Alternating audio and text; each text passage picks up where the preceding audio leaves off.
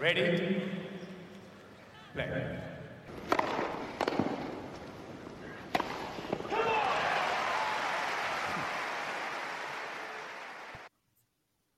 Merhabalar. Farklı Kaydet'in Tenis Podcast'ı Inside Out'a hoş geldiniz. Bugün 11. bölümü çekiyoruz. Ben Gökalp. Ben Anıl, merhaba. Ee, bugün Madrid finali oynandı. Teker teker Master'ları yapmaya devam ediyoruz. Ee, Madrid'deydik biliyorsunuz hafta içi. Bundan önceki podcast'ı dinleyenler. Dün Anıl'la beraber kadınlar finalini ve erkekler yarı finalini, ikinci yarı finalini e, Zverev Shapovalov maçını kortta izleme fırsatı bulduk. Sonra e, herkes evlerine dönsün dedik. Bugün evlerimize döndük. Bugün erkekler finalinde evden izledik. E, bu üç maç üzerine detaylı konuşacağız. Kadınlar finali, erkekler yarı finali ve asıl erkekler finali. E, Zverev bir defa daha bir Masters şampiyonu oldu. Anıl e, neler düşünüyorsun? Genel bir düşünce alayım sonra cumartesi gününden başlayalım konuşmaya.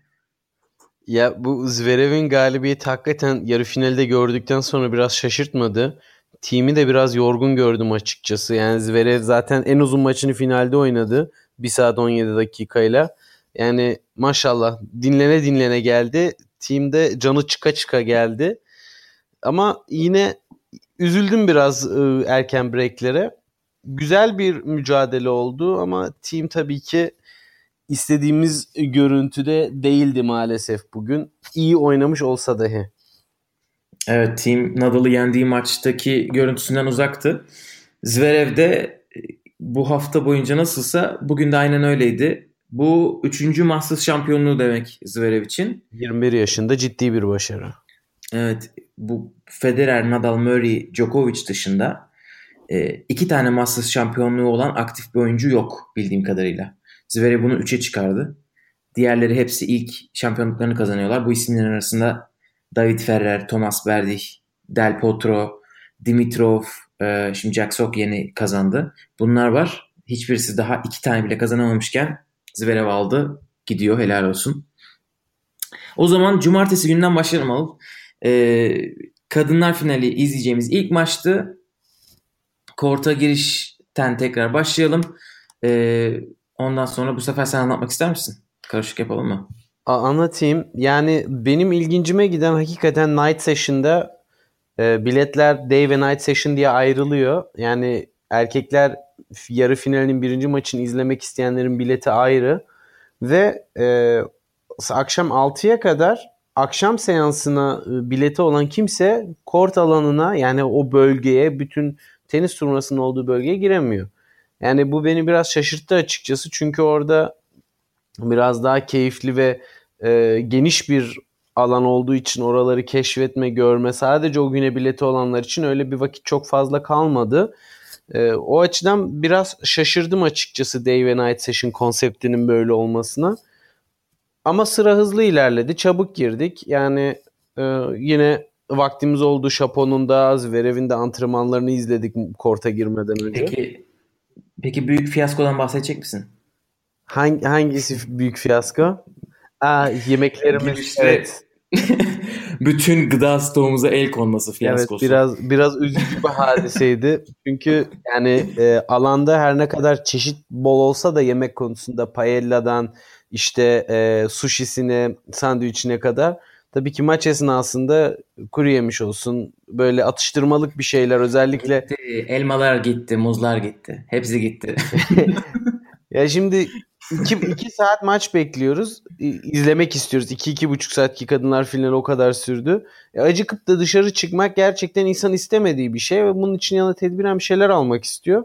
Ve bunu dışarıdan içeriye katiyen sokmuyorlar. Bence saçma. Yani Saçmalık. bu konuda biraz sınıfta kaldılar. Yazıklar olsun. Hadi suları topluyorlar kapaklarını. içeride su var sonuçta. Hani eyvallah para kazanacaklar. Ama yani e, insanları biraz da uzun soluklu maçlarda anlayışla karşılamaları gerektiğini düşünüyorum ki personel Evet. anlayışlıydı ama içeriye sokamadıktan sonra güvenlik görevlisine geçemedikten sonra maça e, sokamıyorsunuz. Güvenlik görevlisi diyor ki bana ne yaparsın diyor. Geç, sokamazsın diyor çöpü gösteriyor. Dedim sen ye istiyorsan. Yapacak bir şey yok. Ya gerçekten o o olmadı. Yani böyle bir tenis kültüründe Zaten hani orada her yerde deli gibi sıra bekliyorsun. Bir oyun arasında bir çay alayım desem bile en az 5 oyun kaçırıyorsun. Evet. Yani o yüzden... İyi saklayın götürün yemekleri. Çantanın derinliklerine doğru. Ceplere giren şeyleri koyun, ceplere bakmıyorlar, çantaya bakıyorlar. Cebe koyun, gerisine karışmıyoruz. evet dediğin gibi sonra antrenmanları yakaladık. Hem Zverev hem Shapovalov'un. Evet yani Şapo'da taktik antrenman yaptı. Zverev sadece ısınmaya yönelik bir çalışması vardı. E, maçta da gördük ki Zverev zaten ateş gibiydi. Yani çok da antrenmana ihtiyacı yoktu. Bu demek değil ki e, yani Şapo kötüydü ama güzel bir Zverev izlemek gerçekten evet. şu an bu, bu seviyeyi bugüne kadar hiç yakaladığını düşünmüyorum açıkçası. Yani şu an en iyi tenisini oynuyor. Evet, evet. Djokovic de. yenildi diye Kyle Edmund'a dedi ya en iyi tenisini oynuyor diye hani en iyi tenisini oynayan biri varsa o kesinlikle şu ana kadar. Hani Djokovic kaybetmeye devam edebilir ama biraz da kabahati kendinde arasın. E, biz antrenmana gittiğimizde sadece ısınıyordu. Dedik kadınlar maçı başlayacak bir de Shapovalov'a da bakalım. Shapovalov'a gittiğimizde o evet dediğin gibi biraz taktiğe geçmişti. E, ikili forentler deniyordu. Inside'da atla açıp sonra paralelle winner'a antrenman yaptı. Sonra dönüşte ben şey diye düşünüyordum. Zverev'in biraz taktik antrenmanından biraz görürüz ama Zverev gitmişti bile. Ya Sen de diyordun gerekiyor.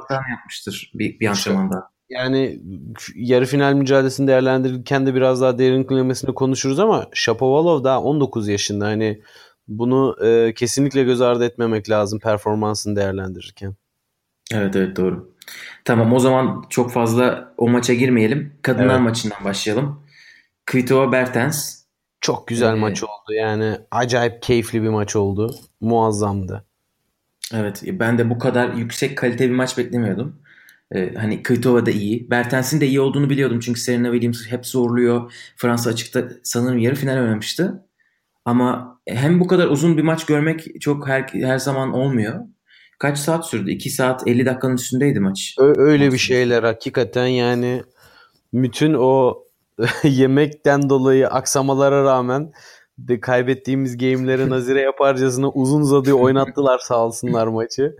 Yani evet. Zverev, Zverev'de o kadar fırsat olmuyor. bir oyun kaçırdınız mı maç bitiyor. Burada öyle değildi.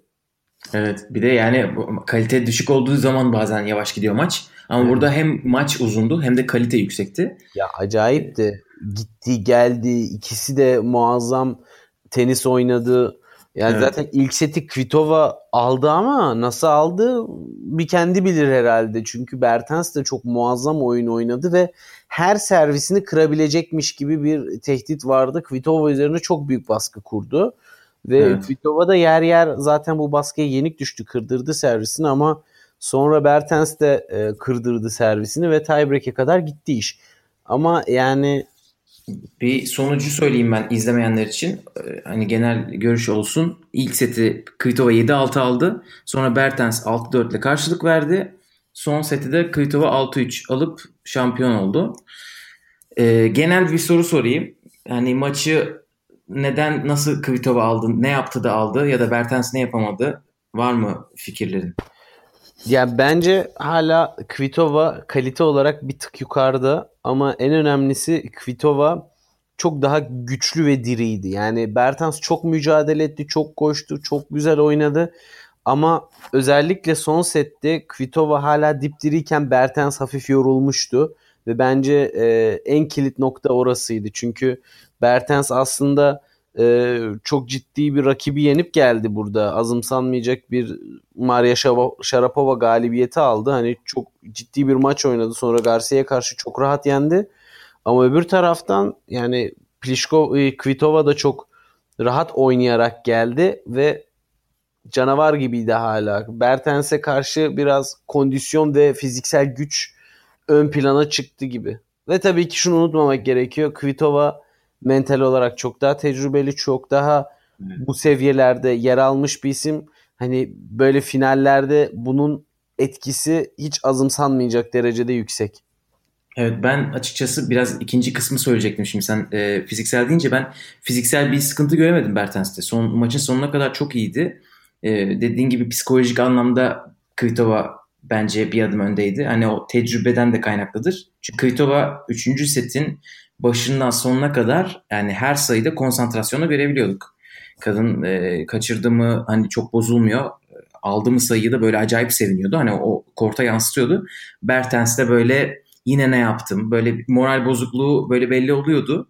Yine çabuk toparlıyordu oralardan ama e, Tabii ilk sette yani ilk set zaten... raketi fırlattı sonra bu seti aldı yani. Hani o evet, bu arada hani gerektirir. Biz burada analiz yapıyoruz kim nasıl ne yaptı diye ama ilk iki set zaten çok çok yakın geçti. Hani alınan sayılar birbirine çok yakındır büyük ihtimalle. O üçüncü sette kırılan servis e, belirledi. Hatta zaten üçüncü setin ortasına kadar Bertens'in Kvitova'ya göre bir fazla servis kırması vardı. O son dört oyunluk seri galiba o dört oyun olması lazım. Orası her şeyi değiştirdi Bertens'e. Bertens'e yine. Benim fiziksel olarak kastettiğim kısım biraz da orasıydı. Yani e, Kvitova'nın forendleri çok çok sertti hala ve böyle Doğru. inançlı bir şekilde saldırıyordu. Yani o saldırı tabii ki mental olarak da Bertens'i biraz daha sindirdi gibime geldi. Evet Kvitova'nın toplarının ya hızı çok yüksekti dediğin gibi. Üçüncü sette düşmedi aksine artmış bile olabilir. Evet. Ona bakmak lazım. Ama düzleşti, spin azaldı. Ee, bir önceki podcast'te bu return bekleme pozisyonlarını çok konuşmuştuk. Team çok geriden bekliyor. Evet.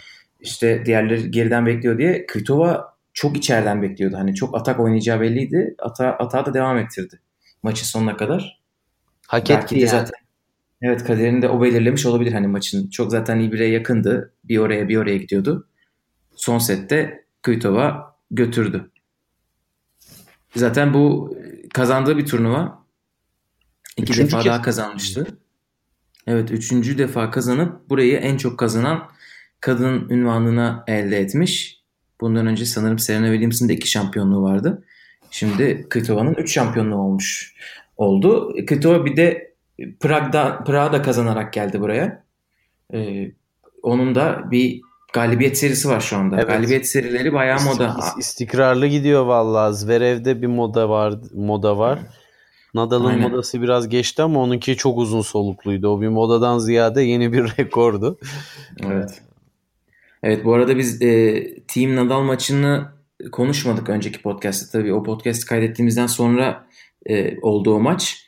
Ama hani team konuşurken o maça da değiniriz. E, istiyorsan Zverev Shapovalov maçına geçelim. Geçelim. Geçelim. Şimdi, Çok keyifli bir maçtı o da. Evet. E, bu önceki maç e, dediğimiz gibi kadınlar finali 3 saat sürünce ha bu arada e, hava Madrid'e hiç yakışmayacak derecede soğuktu. Biz bayağı üşüdük. Cahil ee, gibi şortlarımızla gittik korta. Titredik. Hava, hava iki gündür çok güzeldi. O çarşamba, perşembe, cuma. Ondan sonra cumartesi dedik herhalde güzel olmaya devam eder. sonra baktık donacağız. Allah'tan adamlar yapmışlar çatılarını. Sessiz, Darısı... sakin, hiç hissettirmeden yani son çare gidip havlu alacaktık. Evet, havlu alan insanlar gördük. Darısı da Fransa açığın başına. Ama kalorifer mi yapmışlar, ne yapmışlar yani dışarıdan sıcaktı içerisi. Evet bu arada yani oyunun kalitesini de büyük ihtimalle çok artırıyordur. Evet. Çünkü oyuncular üstlerini giyip çıkarmaya başladılar hani üşümemek için. Bertens zaten o... başından beri üstün şey giyinikti. Ee, Kvitova da sonradan üstüne bir şey giydi. Uzun kollu. Çatı Ama... kapanınca çıkardı sonra tekrar. Tabii sonra çıkardı. Sonra ikisi de çıktı. Belki de bu arada şey olabilir. Çatı kapandıktan sonra oyunun e, hem seviyesi hem ritmi yükselmiş olabilir. Evet. Çünkü e, o da etkiliyor. Yani rüzgar vardı. Rüzgar çok fenaydı. Gerçekten yani topa vuruş e, kabiliyetini çok etkiliyordu kesinlikle. Evet ilk sette bayağı rüzgar vardı. Son son sette de tamamen bir artık e, ne deniyor ona iç kort maçıydı. O da e, winner'ı winner'a yönelik atak oyunu daha iyi oynayana, oynayana tabii yarıyor. O ya. da Kvitova'ydı. Onu, Belki onu onun da bir şey olabilir. Geçmemek lazım. Ee, yani televizyon başına seyrederken çok belli olmuyor, hissedilmiyor. Ama rüzgar özellikle tenisi hobi olarak da olsa oynayanlar bilir. Yani topun milimetrik yer değiştirmesi bütün kalibrasyonu çok ciddi etkiliyor. Ve bu seviyelerde o şiddetli rüzgarlar tabii ki oyuncuları çok zorluyor. E, bu tabii ki kapalı kortta oyuncuların çok daha mükemmelliyetçi bir e, yapıyla ve vuruş tekniğiyle hareket edebilmelerini sağlıyor. Onda dediğin gibi çok etkisi vardır diye tahmin ediyorum. Evet aynen öyle. E, ikinci setin ortalarında sanırım kapandı çatı. E, ben çok şaşırdım çünkü çatı kapanırsa dedim herhalde oyunu durduracaklar ama oyun durmadan oyun sırasında bir baktık çatı kapanıyor. Onda biraz e, içerideki ışıklardan anlaşıldı. Sonra erkekler maçına da öyle başladık. Yani direkt erkekler maçı çatı kapalı bir şekilde başladı. E, saat olmuş artık 10'u 10 geçiyor. Biz dedik Zverev Shapovalov güzel bir maç böyle uzun bir maç olursa 12'ye doğru yaklaşır. Ama Zverev'in başka planları varmış. yani çatı da kapandığı, havada sıcak olduğu için artık maç 2 saat, 3 saat sürse keyfimiz bozulmayacaktı ama yani ilk setin başlangıcında Shapovalov fena da başlamadı yani. Güzel de servis oyunlarını iyi oynadı. Hani karşılıklı al gülüm ver gülüm şeklindeydi. Hani herkes kendi servis oyununu çok keyifli bir şekilde tutundu. Ama sonra Zverev sağ olsun Nos'a Nos duş moduna geçti ve gaza bastı, aldı başını gitti yani. Evet, Zverev maçı 6-4 6-1. Çok net aldı. 5 oyun kaybetti sadece. E, break point yani gördüğü servis kırma sayısı yok. Bu maçla ilgili genel bir değerlendirme alayım. Sonra benim de birkaç notum var. Shapovalov neden kaybetti? Zverev neden kazandı? İstiyorsan tecrübe kısmından başlayabilirsin. Çünkü orada bırakmıştık. Antrenmanda onu konuşuyorduk. Evet yani sen detayları tabii ki daha iyi yakalıyorsun. O konuda çok ince noktaları yakalıyorsun ama ben bir genel değerlendirmeye çalışayım. Yani Zverev bir kere Anderson maçında da olduğu gibi muazzam servis attı. Yani şu hissiyatı başından beri veriyor karşı tarafa. Kardeşim servisini kırdırdığın anda seti kaybettin. Yani bir daha kırarım ederim öyle bir şey yok. Yani sanki bir John Isner'mışçasına bir psikoloji kuruyor e, karşı tarafın üstünde ve bu da oyuncunun servis kırdırdıktan sonra e, setten mental olarak kopmasına e, sebebiyet veriyor. Özellikle Shapovalov gibi 19 yaşında genç bir oyuncu da tabii ki böyle bir turnuva boyunca Zverev'i görüp de Anderson'a karşı birinci servisinde yanlış hatırlamıyorsam neredeyse hiç sayı vermedi. E, böyle bir adam karşısında servis kırdırdığın anda eyvah diyorsun ve zaten 4-4 5-4 oldu oradan gitti. Ee, ama yani Zverev'in vuruş hızı, servis hızı yani kaç tane 224, 225, 228 ile servis attı çocuk. Hani hep deniyor yok işte daha zayıf, yok kasları daha gelişmedi filan yani kasları gelişse ne yapacak? 300 ile mi atacak? Hani e, forentleri zaten çok hızlı, bekentleri de hani o, o VIP dedikleri bir vuruş şekli var. Bir vuruyor fişek gibi yani karşı tarafa onu gördüğü anda top gidiyor ve hani Shapovalov aslında başta fena değildi gerçekten yani oyuna girebiliyordu servis oyunlarını güzel kullanıyordu ki Shapo'nun da azımsanmayacak derecede bir fizik gücü var esasında. Lakin e, oyundan düşmeye başladıktan sonra hafif hafif unforced error sayısı artmaya başladı ve zaten e, seti verdikten sonra ikinci setin başına da direkt kırdırdıktan sonra 4 oyun üst üste kaybetti.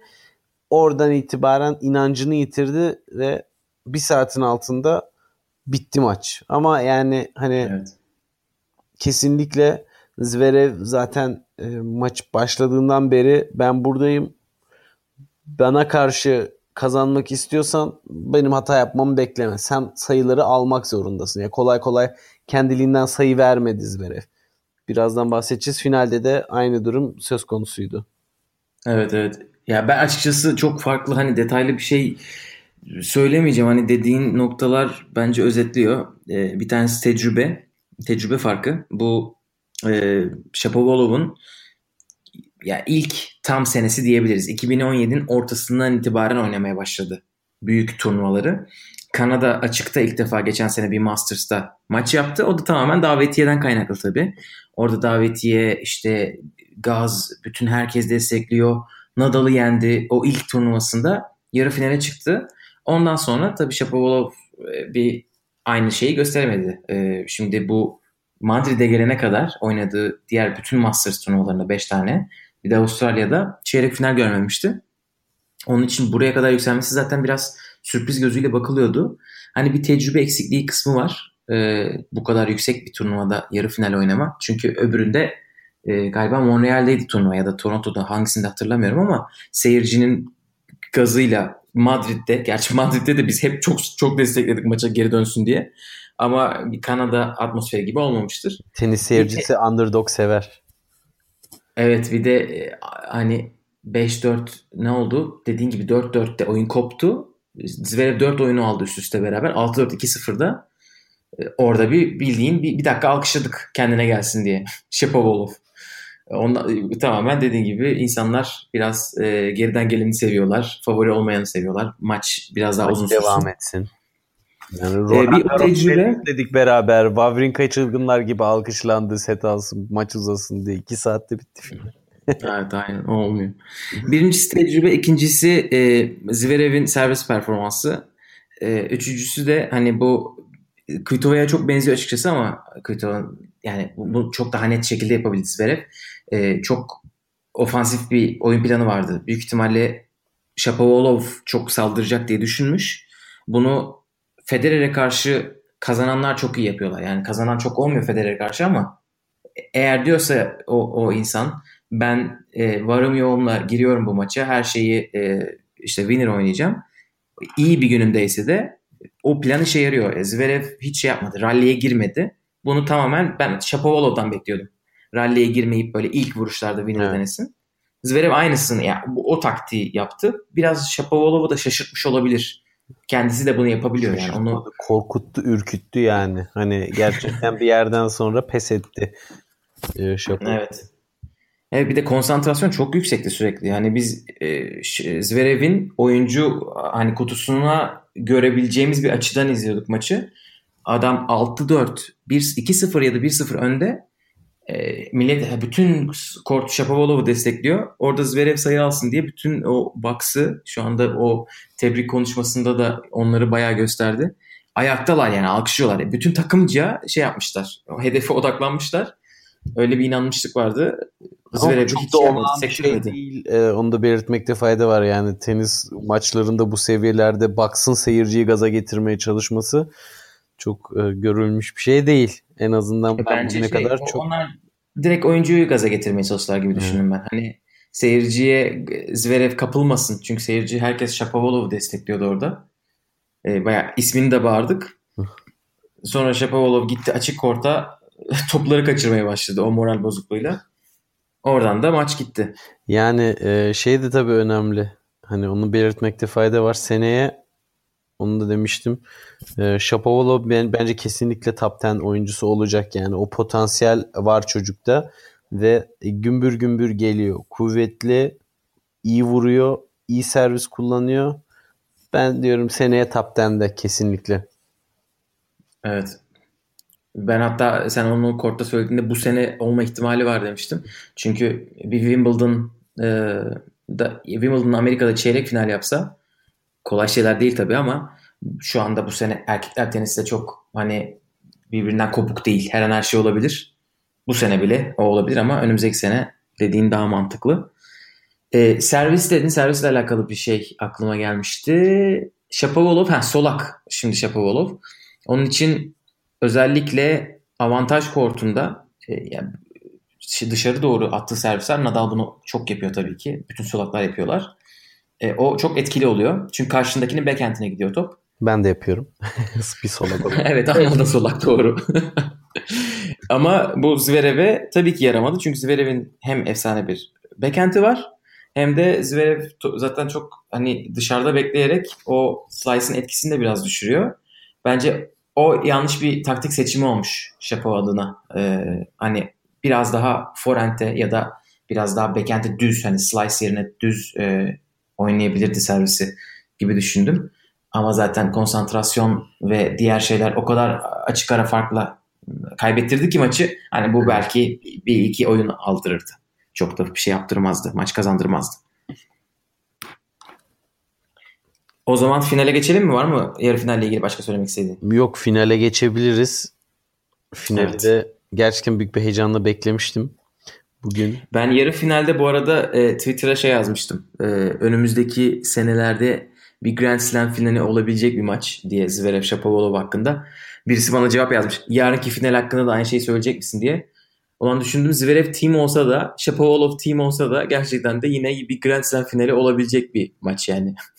Evet özellikle Orada. şu andaki rankinglerde Team'le Zverev hep ayrı köşelere düşüyor. Tabii Team Nadal'ın tarafına düşüyor. Yine Roma'da da e, çeyrekte Nadal'la oynayacak eğer oraya kadar gelebilirse.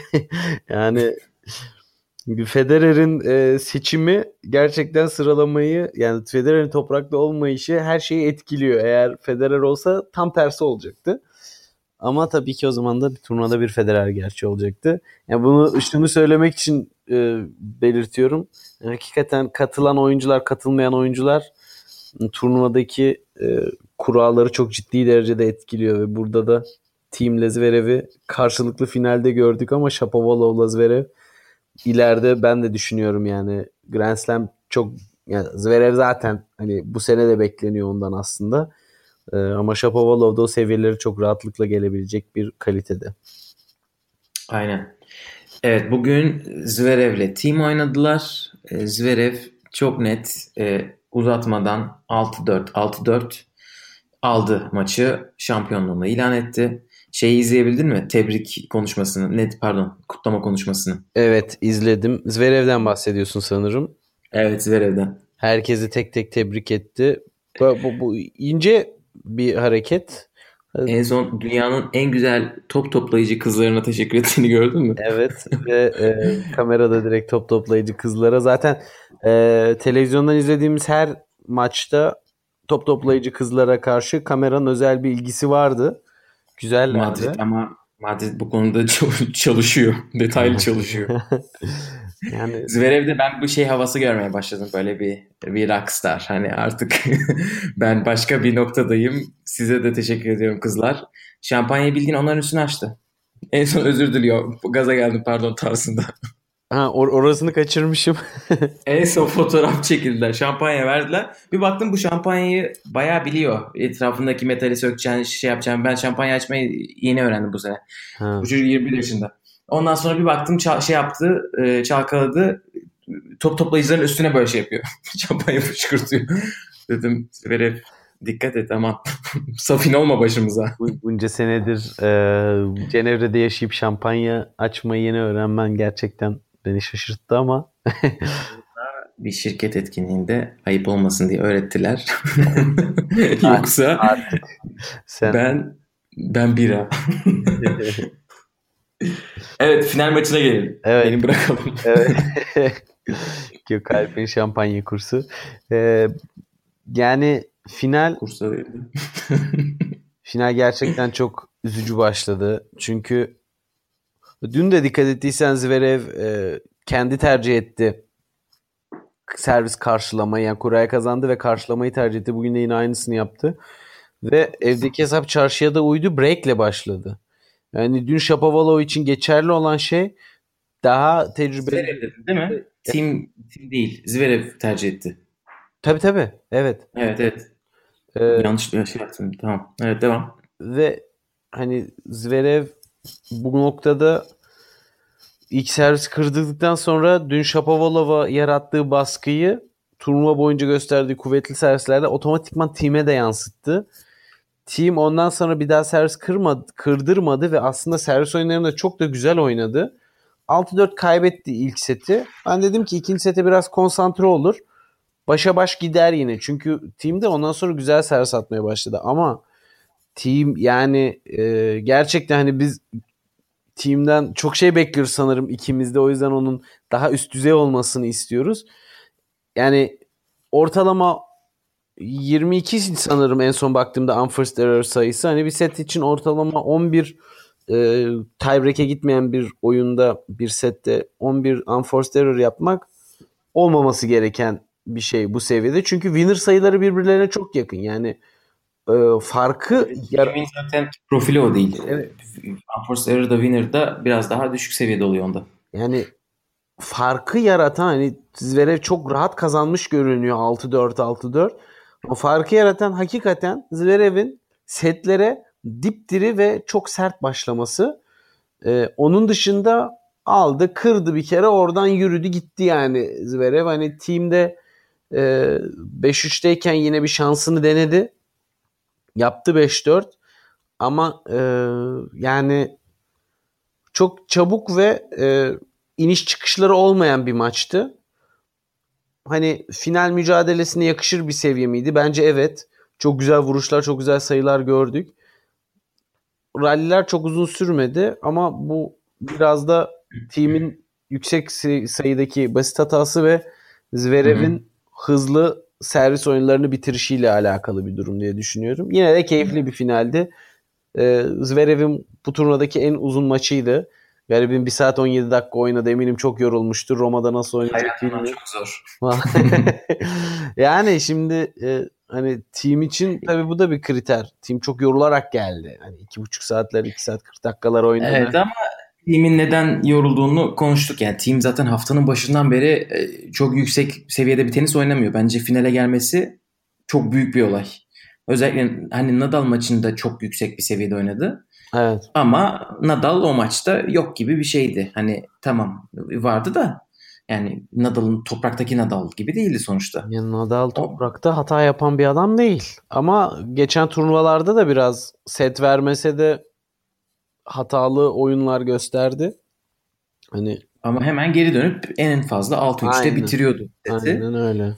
Şimdi e, time maç kaybetti Nadal. Team e, oradan e, sonra eğer Kevin Anderson değil başka birisiyle oynasaydı daha böyle toprak oyuncusu yarıda bence elenebilirdi. Hani o kadar e, yenilgiye yakın bir seviyesi vardı.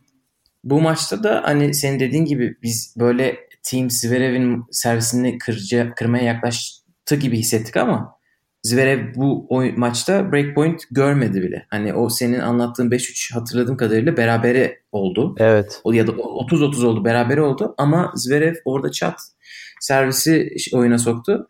Ee, team aslında maksimum hani, 0-30 oldu maç boyunca. Daha ötesi olmadı. Evet. 40'ı göremedi Zverev'den önce Zverev'in oyunlarında.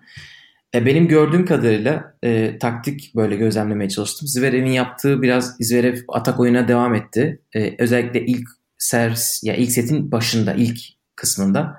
ikinci setin de ilk kısmında yani servisi kırar kırmaz biraz daha geri vitesi aldı ama hani çok atak başladı. Servisi çok karıştırdılar. İkisi de her yere attılar. Ama biraz daha ben şey gibi gördüm. İkisi de birbirlerine forantine oynadılar. Backhand'e attıkları servisler sürpriz oldu.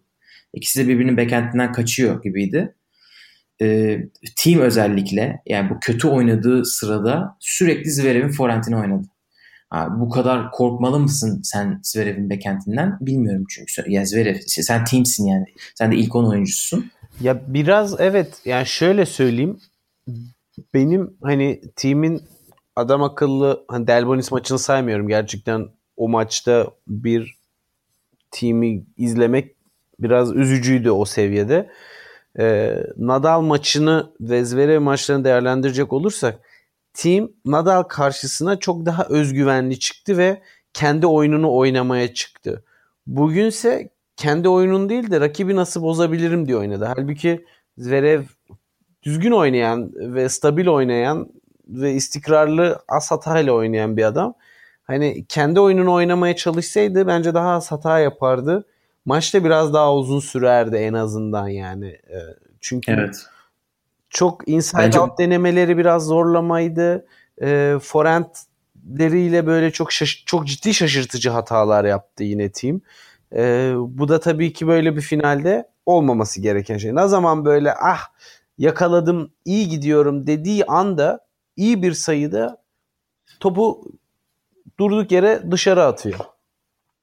Evet ya zaten iki alanda hata yapabilirsin düşündüğünde. Bir plan planlamada bir de gerçekten hani o uygulamada e, bence Nadal kısmında ikisi de çok iyiydi. Yani evet. Nadal maçında. Planlamada çok iyiydi. Backhand çaprazları çok güzel vurdu. Forehand'den korkma Nadal'ın. E, uygulama da çok iyiydi. Bu maçta bence ikisi de yoktu setlerin başlarında. Evet. Sonra düzeldi. Hatta o şeyi fark ediyorsun yani Zverev ne zaman backhand'ine doğru da vurmaya başladı.